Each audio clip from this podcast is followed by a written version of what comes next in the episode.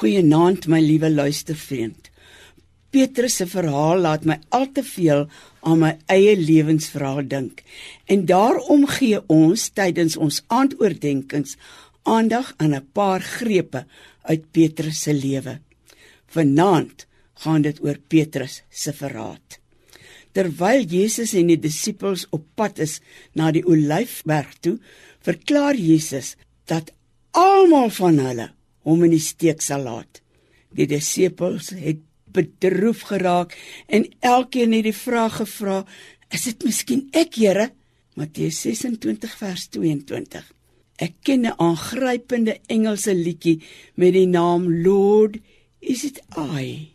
Net die vurige Petrus reageer totaal anders. Nee, die Here moet nou net nie dink hy, hy wat Petrus is, sal hom verloon nie.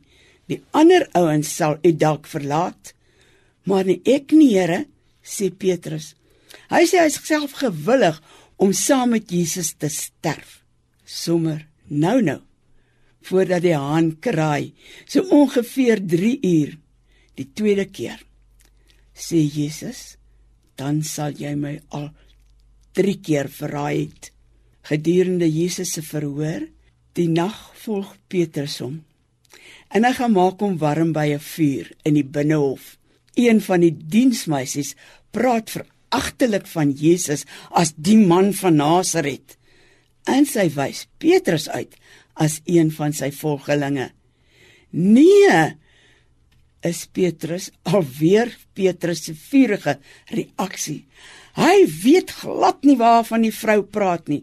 As sy volhou dat sy Petrus saam met Jesus gesien het, sweer hy vir die derde keer: "Nee, Hy ken glad nie vir Jesus nie. Omstreeks half 2 kraai die haan vir die tweede keer. En Petrus onthou wat Jesus vir hom gesê het. In diepe berou hy hy openlik en nie openbaar. Vra jy ook vanaand moontlik in jou hart, Heer, is dit ek?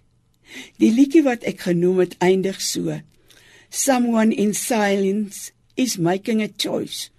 Lord, is it I? Lord, is it I? Someone will yield to the Lord and rejoice.